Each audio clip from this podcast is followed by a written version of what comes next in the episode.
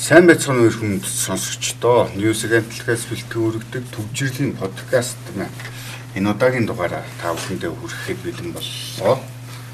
Төвжирлийн подкастын энэ удаагийн дугаарыг орчуулагч Наран Жаргал сэтгүүлч Ундармаа Наран төгс миний бид гурав хүрэх болноо. Тэгээ өнөөдөр бол үйл явдал ариун өдөр байна.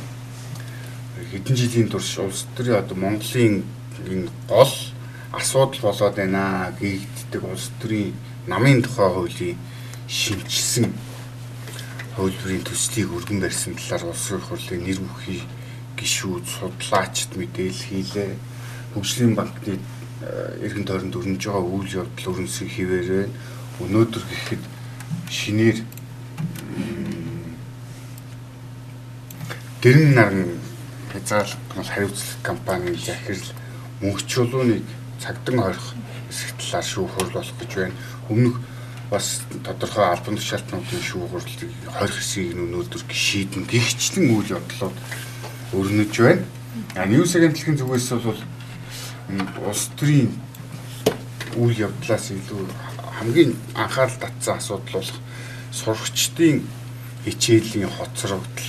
Тэгээд энэ сурагчдын автобусны тухай энэ бүх асуудлуудыг хүндсэн хүндхийг болох уншигчтай хичээн зорьсон. Тэгээд өнөөдрийн онцлог сурвалжлага бол сургуулийн автобусны иргэн тойронд хийсэн сурвалжлага байгаа. Та бүхэн энэ сурвалжлагыг уншихыг хүсвэл сургуулийн автобус хүйтэн бас хүрэлцээ муутай байна гэдэг гарчгаад хагаад ньюс-ийг юм сайтаас уншаарай. Тэгэд энэ сурвалжлагыг ингээд уншаад эхлэхэд л маш хүндүр орхисон талтай юм тий. Өглөө тэр бяцхан хүүхдүүд автобусандаа одоо гэр хорооллоос хичээлдээ сургуультай явахын тулд автобусандаа амжиж суухын тулд 5 цагт босоо тий 6 10-аас өмнө гарахгүй бол сүүлчийн автобусанд сууж чаддаг гэдэг. Ийм энэ бол үнэхээр Монголын том юм юм л байгаа байхгүй тий. Тэгээ энэ хүүтэн өдрүүд өнөөдөр гадаа хэдэн градус байгаа вэ? Хэдийгээр хавар ирж байгаа ч гэсэн тэгээ энэ нохоо шуунаас бариулахаас эхлээ даарч хүрэх харанхуудын 6 цагт ч үдийд бол харанхуул байгаа тийм. Тэгээ энгийн энгийн явж байна. Гэтэл өнөөдөр боловсролын яамны гадаа нэг сургуулийн захирлыг албан тушаалт нь үлдээ гэд эцэг эхчүүд яг ижилхэн лооцсон барьцсан гэж ягсч жишээ нь тийм бид нар ийм асуудал анхаарах ёстой асуудалтай анхааралгүйгээр ингэ явж байна. Тэгээд энэ сурвалжлагын тухай ярихгүй. Би өнгөрсөн 5 дахь эхлээд нөгөө сургуулиудын автобусны чиглэлийг ингээд хайгаад үзсэн байхгүй. Гэсэн чинь ингээд нийслэлээс аюул олон чиглэл тухайлбал 22 чиглэл гаргачихсан. Автобусуудаа ингээд хуваарлчихсан. Ирнэ тэрнээс 6-аас 7 нь ингээд газгүй гэдэг шалтгааны улмаас явахгүй байгаа. Тэгээд сургуулийн автобус ч болохоор нөгөө том аврын автобус шүү дээ. Тэрнээсээ гадна нөгөө хүүхдийн автобус гэж зарим сургуулиудад явж байгаа. Тэрэнд нь болохоор дээдл нь ингээд 35-аас 40 хүүхэд багтдаг. А тэгээд яг төвийн хэсгүүдээр явж байгаа тэр хүүхдийн автобусд нь болохоор 20 хүүхэд багтаад 15-аас 20 хүүхэд ер нь бол ингээд сул чиглэлд явдаг гэж байгаа байхгүй. Тэгэхээр би ер нь төвийн чиглэлээс илүүтэй зайтай алслагдмал тэр одоо гэр хорооллын хүүхдүүд сууж байгаа тэр чиглэлийн маршрутыг сонгоё гэж бодсон байхгүй.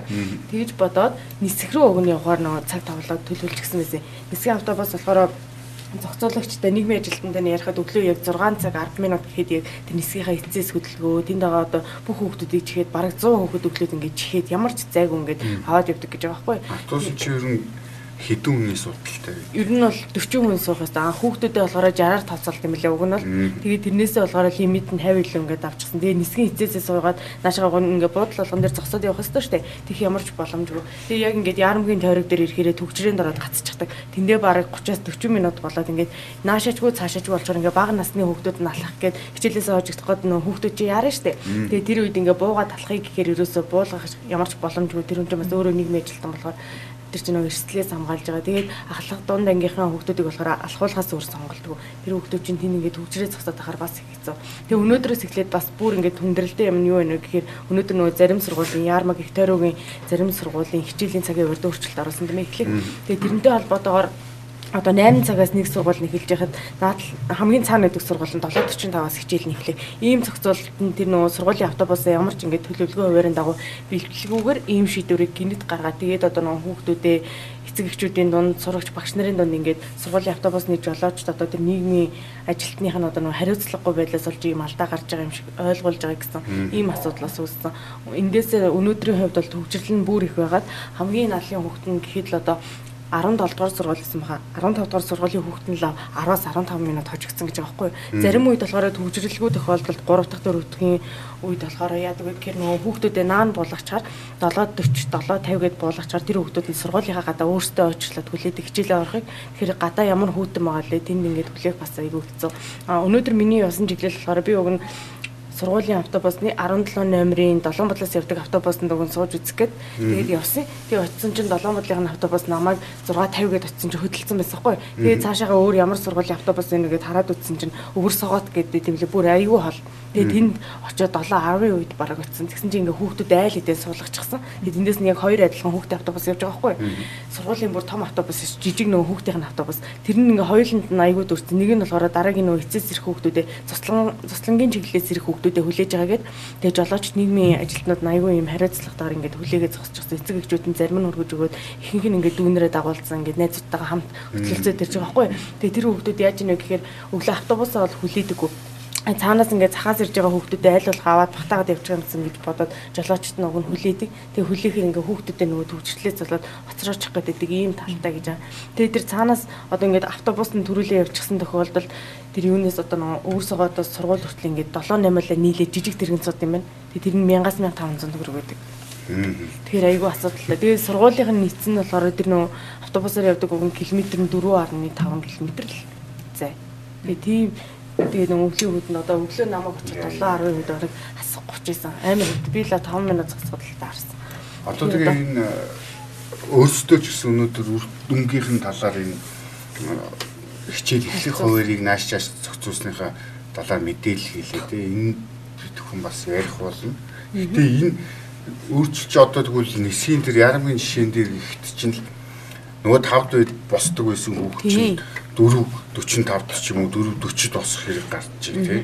Тэгээ нэг гардаг байсан цагууд нь л наашаа цаашаа олно гэхээс биш ерөөсө төвчрлийг ямар ч шалгаагүй асуудал үүсдэгээр үүсгэх нь шүү дээ. Тий. Тэгээ тэглээгээд бас ахаад автобус гарч ирж хүлээх үү гэдэг чи өөрөө хэрэгэлцээтэй тий.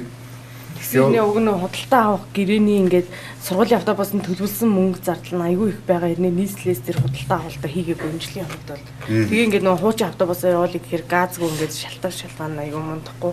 Тэгээ монолийн чиглэл улаастын чиглэл налаахын чиглэлд ингээд хаслагдсан дүүгүүдэд ерөөс автобусны хүрэлцээ огт байдаггүй мөлий. Би эцэг эхчүүдийн группээр тавиад асуусан чи ерөөсөө ямар ч автобус явдггүй ганц явдг нь ерөөсөө хүрэлцдэггүй гэдэг ийм зүйлс хэлж байгаа байхгүй. Тэр хүүхдүүд ч гэсэн хэлж байгаа. Уг нь сургуулийн автобус ингээд үнгүй явж байгаа болохоор хол зайд ингээд найзуудтайгаа нийлээ ингээд сууж чад бас болдог. А бас нэг зүйл нь болохоор ингээд өглөө төргүүлчихэж байгаа тий. Тэгээ өдөр ингээд тарахаар ерөөс амждаг гэж байгаа. Бас нөгөө нэг тардаг цагууд нь өөр. Тэгээ ямар ч нэгдсэн юм зохицуулт байхгүй. Тийм зүйлсүүдийг байгаа. Тэгээ хүүхдүүд хөрх амтд хилээд шүү дээ. Өглөө бол яг хөө ингээд яаж хийж байгаад суугаад явчихдаг аа. Таарсны дараа бол жинхэнэ асуудал тэгээ бид нар хизээ яаж явах нь ойлгомжгүй. Оройны цаг дээр нь бүр хэцүү байдаг гэж байна. Аа тэгэхээр ладны өмнөс болохоор 32 автобус явах ёстойгоос 24-ийг явуулж байгаа гэж байна. Тэгээ 24 8 ягаад явахгүй байгаа шалтгаан газ тасалдсан, хил хаасан гэдэг. Аюулгүй утгагүй tal. Хил хаахад газ ямар хамаатай юм бэ? гэж асуумаар байгаа байхгүй тий. Одоо нийслэлийн боловсролын газрын дарга буян тогтох хэлсэн байна л да тий. 30 нийслэлийн захирамжийн дагуу 31-ийн сургууль 40 автобусыг 35 чиглэлд явуулахаар болсон. Хонд нь энэ хүү төсөлд 29 сургуулийг хамруулж 35 чиглэл 40 автобус үйлчилгээнд явуулж байсан. Эдгээр автобусын давтамжийн хувьд 5600 орчим хүүхдэд үйлчилсэн тооцоо бий. Гэт. Тэгээ одоо энэ газны улмаас юм явж юм гэдэг газар бүгдээрээ машин хэрэглээ явдаг болцсон тий. Юм уу 8хан сургуулийг автобус хийж газ олдохгүй байх гэдэг бол үнэхээр манай асуудал байгаа байхгүй тий. Тэгээд сурах хүсэлтэй хүмүүс л явж байгаа. Би л тийм болоос тийм амар хөтөн явна амар хэцүү юм байна. Ямар сайн дайл нөгөө нэг ямар сургууль хамгийн сайн бэ гэсэн чи гэртээ ойр сургууль хамгийн сайн гэдэг. Ингээд хүмүүс бас их сонин нөгөө нэг харьяалынхаа дагуу ингээд өөн өөртөө ойрхон байрлах сургуульд хөгдөв шүү дээ. Бас тэгдэггүй юм байна. Харин энэ айгүй холоос ингээд хөгдөв шал өөр чиглэлийн автобус. Тэгэхэд тэгтээ бас нөгөө талаас нь харахад нэг ийм асуудал гарч байна. Яг надад ч үгүй гэр гэрийнхээ харьяал харьяалынхаа дагуу байвал илүү төхөн байх гэдэг. Тэрэн дээр гítэл нөгөө сургалтын шанаар гэж нэг юм байгаа дээ. Дээр нь за өглөөд гүгээд орчдгийм байж тий өдөр явах вэ гэдэг асуудал гарч байна. Тийм болохоор ялангуяа эцэг эхчүүдийн нэг ийм л хөдөлгөөн яваад ах шиг байна л. Хүүхдүүдээ өглөө ажилдаа явахдаа ажлынхаа ойролцоо сургуульд өгчөөд ажилдаа явахдаа аваад ирдэг тий. Харангууд нь өдөр хөнжүүлэгч байдаг юм уу өөр нэг хөгжүүлэх юмд ойролцоо бас өгчдөг. Тэгээд ажлаа таартал нь буцаж авч ягаад цуг вээж байгаа нэг цаг маг гэртээ вээж байгаад ч юм уу ажиллаад харлаа дагуулад аваа явдаг тийм. Иймэрхүү зохицуултаар ялангуяа нөгөө сургууль цэцэрлэгийн хүрлцээ чанар чансаатай холбоотойгоор нэг ийм амьдралд орцсон. Тийм болохоор харьяаллынхаа сургуульд явуулснаас илүү ажлынхаа ойролцоо сургуульд явуулсан эцэг эхчүүдэд болоод байгаа юм шиг байна. За тэгтэл одоо манай боловсролын салбарт гарч иж бас нэг зовлонтой асуудал байгаа тийм. 2-5 насны зүзэрдэг төврийн аргаар сонгоноо гэх. Одоо нөгөө рандом гэдэг. Рандом гэдэг байгаа тий. Рандомыг дээр яаж Уг нь өмнөх 7 хоног тасахад суглаагаар юм түүрийн аргаар явуулахгүй гэжсэн байхгүй. Тасан чи ингээд өнөөдөр бүртгэлийг харах юм бол та бүх харж байгаа 2 настай хүүхэд аяг болон 140 мянга тэгээ 3 настай 4 настай гэдэг ингээд нэмэлтээр бүртгүүлж гисэн хүүхдүүд зөндөө байгаа. Тэгээ эндээс ингээд маш цөөхөн хувийн тийм түүрийн аргаар сонгож авахар ийм шийдэл турсан гэж байгаа байхгүй. Тэгээ тэр түүрийн аргыг одоо үнэн бодтой явуулж байгаасыг яаж өгөх гэр ингээд цаанаас хяналтын системүүд ингээд ажиллаж байгаа. Тийм болохоор хүмүүс ерөөсөө санаа зовлтдаг. Тэгээ ийм тайлбар. Хяналтын системэнд тэгээд хин хяналт тавих. Харин тийм нийслэлийн боловсролын газар боловсролын яамнаас ингээд цохих юм ингээд стандартын дагуу явуулнаа гэдэг аахгүй. Цахим дээр одоо би тухайлбал ямар стандарт гэдгийг мэдэхгүй байна. Тэгэд яаж одоо тэр төврийн аргаар явуулах нь бас сонирхолтой. Уг нь хүн болгон хүүхдээ хамруулахыг хүсэж байгаа шүү дээ тийм ээ. Тэгээ нэг бүртгэл одоо өмнөх бүртгэл хоочин бүртгэл гэдэг нэг юм болсон юм шиг. Тийм тэрийгээ бүр болчихсон. Тэр чинь бас нэг зовлонтой. Тэгээ одоо ямар ч байсан одоо гоё гоёэр хилдэг болчихжээ. Бас төврийн аргаар сонгоноо. Тэр энэ бол суглаа суглуулж байгаа л хэл биш шүү дээ. Одоо нөгөө нэг нөөт эдэр дээр хүртэл суглаа явуул гарч ингээд нэг зөрүүтэй юмнууд гараад идэв шүү дээ. Тэрнээс ч одоо илүү л тийм одоо бидлантай юм гарах үү. Миний бодлоор л эрүүл аюулгүй орчинд сурч боловсрох эрхтэй сургуулийн өмнөх бөгөөд баг боловсролыг үн төлөвлөгөө олгоноо гэд заагаад байдаг үндсэн үйл лаач хүртэл тэгээд бид нэр одоо энэ заалтаа хэрэгжүүлээсэй. Нэмэргүүл одоо энэ жил аз эцэг үүсэх нь тодорхой боллоо.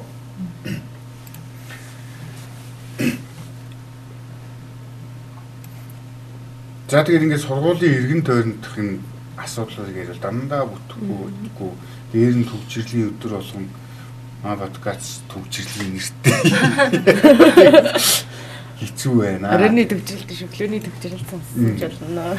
Хөгжлийн банктай холбоотойгоо нэг бас нэг шинэ мэдээлэл гарч ирсэн нь бол нэр бүхий гурван гишүүн нэр бүхий нь улсын хурлын амар төвшин гишүүн амар төвшин даан хуйг дамжин нямнарт эрүүгийн хэрэг үүсгэн шалгаж ирсэн талаар мэдээлэлээ. Тэгээд прокуророос хэрвээ санал эргүүлэх юм бол бодохгүй улсын хурлын гишүүнийх нь бүрэн эрхийг төлөвлөзүүлэх тухай саналыг прокурор улсын хурлд оруулах бах харин хүлээн авч эсэх нь улсын хурлаас өөрсдөөс бүр тодруулах юм бол олонхын бүлгээс шалтгааллах нэ. Тэгээд одоо энэ хэрэг дээр нэг ганц юм дахин давтаж хэлмээр байгаа юм тийм. Улсын ерөнхий прокурор байсан инх хамгаалан жижиг дунд үйлдвэрлэлийг эрхлэх дэмжих сангийн зээлтэй холбоотойгоор хэрэгтээр ажиллаж байгаа улсын хурлын чуулган дээр ороод хэлжсэнтэй. Энэ танхимаасаа та нар хууль тогтоогч чинь өөрсдөө энэ танхимаасаа хуульчийн ирэх хэрэгжиж эхлэх ёстой. Та нар өөрсдөөсөө хэрэгжүүлж эхлэх ёстой. Ингэхгүй бол Монгол шудраг ёс тогтохгүй гэж хэлсэн. Тэгээд жижиг дунд үйлдвэрийн жидүүчдийн хэрэг юу болж замхарлаа. Тэгээ энэ нөгөө яг шударгаас сахиулахыг шаардж исэн прокурор нь өнөөдөр байхгүй болцсон байж те. Иймэрхүү байдлаар асуудал шийдэж ирсэн. Тэгээд энэ хөгжлийн банкны асуудал ч гэсэн энэ гурван гишүүний асуудал яаж шийдэх нь хууль шүүх гэхээсээ илүүтэй мааны ад тавьж байгаа тоглолтоос их хамаарах нэ. За гэтэл гадаад ертөнцид юу болж байна вэ гэхэд монголчууд ч гэсэн гадаад ертөнцид одоо Путин л олж тийм Путиний хэрхэн яаж хөдлөхөөс хамаарал улс орнууд яах их юм амир тодорхой болох гээд ах шиг байна. Тэгээд манай эсвэн өнөдөр илтгэсэн байсан. Хэрвээ Орос Украин руу дайрвал юу болох вэ гэдэг тийм. Тэгээ энэ таймаас харахад яг л Оросын авах арга хэмжээнээс хамаарч одоо Америкийн нэгдсэн улс, барууныхан тийм Европын улсууд ямар ямар шийдвэр гаргах шийдвэр гаргах вэ гэдэг тодорхой болно гэдэг. Одоо энэ нөхцөл байдлаас үүсээд ирэх ямар шуухан үйл явдал өрнөхөөр тийм бүлөвтэй байна шинжиж хэлж байна. Одоо энэ нөгөө өнгөрсөн 7 хоногт Нүбийн аюулгүй зөвлөлийн хуралдаан болсон байлээ. Энд дээр одоо ер нь улс орнууд хэрвээ Орос халдлага үйлдвэл юу болох вэ гэдэг ингээд ярилцаад одоо тухайн үед ямар чиглэл баримтлаж ажиллах вэ ч юм уу тэр талаас ярилцсан байлээ. Тэгээд одоо ингээд Орос улсаас нөө цэргээ буцаага татчлаа гэж байгаа боловч ингээд байдлыг харахаар ахаад дотлоход бэлэн байгаа ч юм шиг харагдаад одоо нэг тодорхой хэмжээний цэргүүдийг татсан боловч яг хэдэн цэрэг татсан бас ойлгомжгүй. Гэтэл өнөөдөр нөгөө одоо Орос Белорусын хооронд бас нөгөө нэг сургуульд явагдаад байсан шүү дээ. Тэр нь өнөөдөр өчигдөр хугацаанд дуусах ёстой байсан боловч хугацаагаа ахаад яг хэдэн хүртэл мэдэгдэхгүй хугацаагаа сунгачиж байгаа. Тэгэхээр бас одоо хугацаа сунгацсан энэ бол ер нь бол одоо сэжигтэй байна л гэж үзээд ах шиг байлээ. Тийм за тийм. Тэгээ Беларусь чи өөрөө бас нэг юм дайн бүс нутаг болоод дуусчих шиг боллоо шүү дээ. Ингээл одоо тэгэл яг л хил дагуул ингээл айгүй олон цэгүүд дээр л нийтдээ бол ер нь бол 150 мянга гаруй зэрэг байршуулсан байна гэж үзээд байгаа. Тийм. За тэгээд ерөнхийдөө одоо энэ бүгд давталгоо ч юм бол яаж явах гэдэг нь вөхөр бүрэн хэмжээний давталгоо гэсэн нөгөө хуурай газраар тэнгисээр агаараар гэдэг юусоо байж болох бүхэл тал талаас нь давтална л гэж үзээд ах шиг байна те. Тийм. Тэгээд одоо гол байна бол мэдээж ер нь бол Украиний засгийн газрыг аль болох хурдан бууж өгөөд нөгөө удирдагчдыг нь бас одоо одоо буулгах ийм тактиктэй ажиллана гэж байна. Тэгээ мэдээж нөгөө гол бай гэдэг чинь нөгөө объект гэх юм уу те. Ерөнхийлөгчийн ордон, парламент, яам, хэвлэл мэдээллийн хэрэгслүүд үнээс гадна нөгөө одоо Сүхбаатарын талбай гэдэг шиг Украины тэр ардчлалын хувьсгалын бэлэгдэл болсон Майдан Нисаллешности гэх тэр талбайд орж байгаа юм бэл. За тэгээд одоо мэдээж энэ давталгоо юм хүн болох юм бол ер нь бол 50 мянган энгийн иргэн амир сэтгийм эрсдэлтэй гэдэг энэ Америкийн нэгдсэн улсаас бол тооцоолчихсан байгаа. За тэгээд амир сэтгээс гадна мэдээж маш олон хүн хэдэн зуун мянган хүн дөрвээд Европын орнуудаас энэ тэндээс хүмүүнлэгийн тусламж авах шаардлагатай тийм нөхцөл байдал үүснэ гэд тэгж байгаа тийм. За тэгээд одоо Владимир Путинд Б төлөвлөгөө бий юу гэдээ асарсан байгаа тийм. Тэгээ ер нь бол одоо энэ Б төлөвлөгөө гэдгээр энэ бас нэг ямар нэг байдлаар энэ одоо няцаагдах юм бол ч юм уу ер нь бол Украин болон Донбасс нэмэлт газар нутгийг өгч булан авахын тулд илүү хязгаарлагдмал эрсэлт багтай давшилтыг сонгож магадгүй тэгсэн ба. За тэгээд одоо нөхцөл байдал буруугаар ирэх үү гэд энэ талаас л юу яриад байгаа ш тийм нөхцөл байдал буруугаар игүүл тийм ч хориг тавина, ийм ч хориг тавина гэл бүгдээрээ ер нь л яриад Америк, Их Британи тэгээд ер нь бол э, улсууд бол өөрсдөө ингээд хэрвээ ийм 20 арга хэмжээ ер нь бол 50 гэдэг аль аль нь ер нь илэрхийлсэн байгаа да. Дээрээс нь бас Украины зэвсэгтүүчэнд бас энгийн иргэд бас энэ тэмцэлд нэгдэж магадгүй гэд тэгчээ та. За тэгээд энд болохоор юу юм бэ лээ? Украиныг ер нь яагаад ингээд Украин Украин гэдэг байгаа юм бэ гэд бид нараас сайн мэдхгүй монголчуудаас сайн төдийлөн мэдхгүй байж магадгүй. Гэтэл нөгөө украинчин болохоор төрөл бүрийн байгалийн нөөцөөрөө одоо дэлхийд айгүй дээгүүр ордог. Жишээлбэл одоо энэ ураны хөдрийн батлагдсан нөөцөөр Европт бол 1-р байрт ордог гэж байгаа. За тэгээд титаны хөдрийн нөөцөөр Европт 2-р байранд а дэлхийдээ бол 10 дугаар байранд гэсэн. Марганцын өдрийн хөдрөөр бол 12 дугаар. Гэхдээ дэлхийн 12% гээд ингээд дандаа айгүй том том томоохон хувийг эзэлдэг ийм одоо нөөц баялаг ихтэй газар болчиход байгаа тий. Тийм учраас одоо ийм газарт мэдээж одоо дайн гарвал гар цохирол нь одоо бас үгээр хэлхийн аргагүй их гар цохиролтой өргөн цар хүрээг хамарнаа. Дээрээс нь нөгөө нэг энэ байгалийн нөөцөөс гадна Украин гэдэг улс чинь Улаанбаатараараа дэлхийн 5 дахь том экспортлогч орн юм билээ. Тэнгүүд нөгөө манай Азийн орнуудын ихэнх нь за мөн Африк тийм маань болохоор энэ Украинаас энэ Улаанбаатараараа бас хамааралтай тийм юм байдаг. Тэгэхээр одоо энэ бас биднэрт ч бас хамаарахгүй гих одоо хоолоор тойрно гих үндэслэлгүй юм болчиход байгаа шүү. Тий. Тэгэл одоо тийм учраас бас нөгөө хятад улс чинь бас Путин юу хятад улс Путинийг дэмжиж байгаа нь зүүн барууны хурцсан байдлыг улам гүнзгийрүүлээд байна гэд тэгсэн байлээ. За тэгээ нөгөө 20 арга хэмжээ гэдэг байгаа шүү дээ.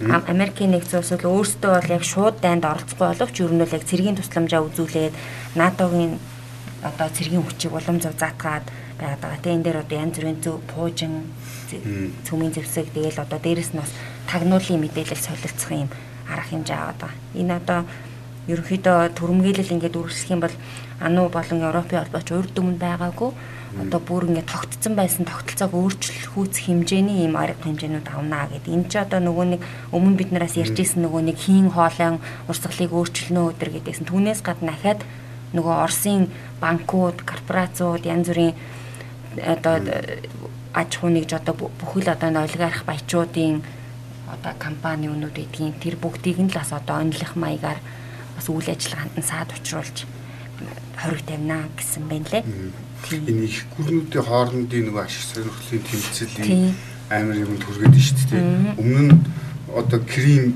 гэхт чинь л Кримийн хойгийн ач холбогдол бол аль аль талд нь маш өндөр те. Европын тэр хандч тэр Оросын талынхан ч тэр гээд энээс үүдээд ингэж Европын тавьсан хоригоор бол маш левгүй юм өрнөлөө шүү дээ. Орос нөгөө зах зээл Европт алдсан зах зээлийг эргүүлж авахын тулд хятадтай өөрсдөө харилцааг зузаатглаа тий. Тэгээд тэн дээр ингээл явж ийн өнөөдөр гэхэд чинь юугаар хятад орс хоёр хятад орс хоёр 100 сая тонн нүүрсний гэрээ байгууллаа гэл. Тэгэхээр энэ ч одоо хоорондоо асар том гэрээ холбогдолтой улсууд байгаад идэг. Тэгэхээр одоо ямар нэгэн асуудал үүсвэл энэ 20 арга хэмжээнд ч гэсэн бүр гар цохрол одоо үр нөлөө нь маш том байх нь ойлгомжтой л байна л да тий. Тэгээ бид нэр гэтэл чинь одоо сошиал ертөнц шоо Украин Орос Путин гэл өвчгнөд гэдэг тий. Гэтэл эдгээр чи одоо 100 сая тонн нүүрсний гэрээ байгууллаа гэхэлэр манай нөгөө энэ оны төсөв чинь 39 сая тонн нүүрс хятадд экспортлноо гэсэн чи юу болох вэ тий хятад одоо энэ нөгөө хятад улс чинь бол ерөнхийдөө яг энэ өнгөрсөн оны мэдээ байлээ л дээ. 2020 оны 21 оны 9 дугаар сард гэхэд Оросоос 3.7 сая тонн эрчим хүчний нүүрс импортлж ирсэн юм билээ. Гэтэл одоо энэ гэрээ чинь 100 сая тонн гэдэг айгүй их хэмжээтэй болчиход байгаа юм л да. Тэгээ энэ өнгөрсөн оны 3.7 гэдэг тоо нь өөрөө 2020 оны мөн үеийнхээсээ 230%-аар өссөн гэдэг. Тэгэхээр энэ хятадын Оросоос авж байгаа нүүрсний хэмжээ нь бол ерөөсөө сар сараар бүр ингээд даблда триплтэд нэмэгдээд байгаа гэсэн байлээ. Ерөөсөө нэг баг багаар биш ерөөсөө бүр огцон могцон ингээд 3 дахин 2 дахин гэж нэмж байгаа юм байлээ. Тийм. Тэгээд ерөнхийдөө энэ хятад улс бол нөгөө Австралиас бас авахгүй гэсэн тийм одоо бодлоготой бейс болцсон юм шиг байгаа юм.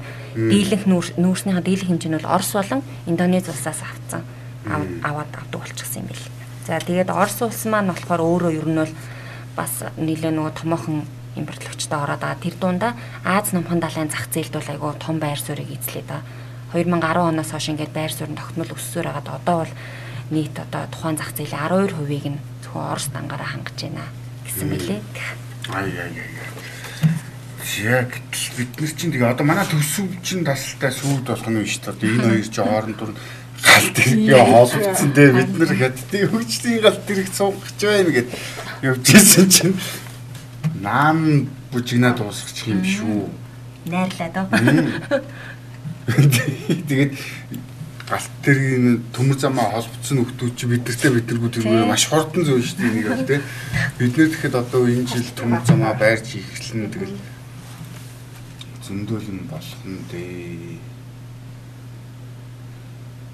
Энэ грекийн ойролцоо шатж байгаа онгоц гээд энэ бас сонир мэдээлэл байгаа гэсэн тий. 11 хүн бас сургахгүй болсон гээд. Аа. Одоо айгүй их шатаж матаал байна гэх. Манай чинь машина шатаацсан өрнөөл энэ тийм Хөөр хидэр карго. Тавтахад хүртэл бас каргоны нөгөө машинтай каргоны онгоц шатсан байл. Хөлөг онгоц шатсан байлаа шүү дээ. Тэнд чинь тоо баримт сүүлийн тодорхойлсон байсан нэлээ их нөгөө дандаа үнэтэй машинуудтай каргоны онгоц шатсан байлаа. Зов зов бөөн шалгуур давж давж байгаа хөөрхийн нэг юм тэрвэртэй ачигдаад ирсэн чинь нөгөөтгөн шатчихдаг тийм. Тэр чинь бол ганц жолоочийн асуудал өчнөө олон хүмүүсийн загсан бараа байгаа дэрийг нь авчирч ийсэн байгууллагууд байгаа тийм. болохоор хариуцлага Одоо манайхан нөгөө жолоочийн хариуцлагын даатгал маатгал гэж нэг төрдөө авах гал байсан шүү дээ. Нэг аж ахуйн нэгжийн болж исэн юм уу булаач энд их мөнгө харагдаад байна гэж авах гээд байсан. Одоо энэ юм дээр нь харин уг нь зохицуултыг нь хийвэл одоо ийм асуудлыг гараад ирэнгүүт бас тэр төрн чив чимээгүй байгаа тийм юу ийсэн мэддэггүй ингээд ашигтай юм дээр болохоор хууль хүртэл санаачлаад газ оруулаад ирдэг. Тэгээ нэг иймэрхүүл байдалтай байна. Тэгээ энэ гал галсан шалтгааныг нь одоогоор тогтоогчоо гэсэн албаны хүмүүсийн байр суурь илэрхийлсэн мэдээлэл нь албан хүмүүсээр бол албаар санаатаагаар ингээд гал тавьчихсан юм гэж хэлээд байгаа юм байна тийм. За ковидос гадна томоо томоо төс өвчний халдлаар хүүхдүүдийн дунд өндөр байна. Бас ингэж энэ гэхдээ одоо ийм нөхцөл байдал сургууль цэцэрлэгтээ явж байгаа хүүхдүүд чи өрхий томоо их хэсэг чи хэсч өрх ах тийм. За тэгээд энэ сарын 18-ны байдлаар өмнөх 7 хоногттой харьцуулахад COVID-19 алдрын тоо нийслэлийн хэмжээнд 31.7%-аар буурсан байна. Шинжилгээний эерэг тохиолдлын тоо өмнөх 7 хоногоос 8.5%-аар буурчээ. Халдварын шалтгаантай нас барал 50%-аар болсон байна гэж байна. Энэнийг зөрүүлээд томоогийн халдвар бол нэмэгдэжээ. Тэгээ угаасаа хичээл сургууль олсонтой холбоотойгоор энэ бол зөв ёсны үзүүлэх хэрэгцээ хаа. За манай хувьд өөр сонирхуулгаар мэдээлэл юу вэ? Өөрөөр шадуур чинь шатсан шуурсан юм их байх шиг байна шүү дээ. Европт ч одоо нэг өнгөрсөн 5 дахаас хойш хүчтэй нэг юунис харсан л гэдэг нэртэй. Тэр 5 дахад л энэ мэдээ орсон. Тэгээд өнөөдөр ч бас энэ талаар мэдээ явж илээ.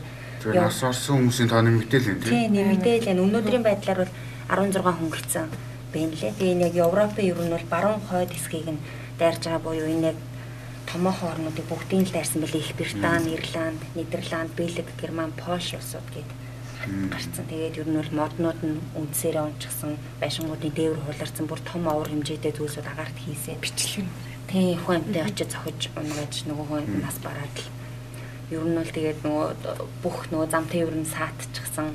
Германд гэтэл одоо 1000 гаруй километр төмөр зам ирсэн байна. Тэгэхэд бод Монгол төрсөн наацтай ч юм шиг. Тийм байгаа байдлаар янз бүр байгаль юм шиг харцсангүй гайгүй тий өгн тий. Гэж байна лээ. За ерөнхий сайдтай холбоотойгоор ариун заяа сайд мэдээлэлтэй холбоотойгоор уучлалт гуйсаа. Тэгээд тэрнээс гадна ерөнхий сайд өнөөдөр нэг албан мэдээлэл гарсан байсан тий. Тэр бол маш ноцтой мэдээлэл хөгжлийн банктай холбоотой төлөөлөл өдөрт зөвлөлийнх нь бүх гишүүдийг ажлаас нь чөлөөлж орныхны хүмүүсийг сонгохоор тодорхой албан шалтнууд нь хариуцлага тооцохыг ингээ үүрэг боллоо гэдэг ингэсэн. Тэгээд энэ хэрэг ингээд эцсийн бүлэгтээ хариуцах эзэнгүй болчлоо шүү дээ. Тэгээд хөгжлийн банк бүх удирдлагуудыг чи ингээд чөлөөлөө ичгэлээр одоо хин хариуцлага хин хариуцлага хүлээх вэ? Дандаа л ингэ маш ноцтой юм гарч ирж байна. Тэгээд үйл явдал хэрхэн өрнөхийг бүгдээрээ анхааралтай ажиглаж суй. Маргааш та бүхэндээ төвчрлийн подкастаа ирхэн уулзъя. Тэгээд энэ түрээд манай төвчрлийн подкаст маань өндөрлөж байна. Бид дуртай хамт байсан та бүхэндээ баярлалаа. Айл болох гэртээ аятахтай түргийн шуурхаа хүрээрээ гэж.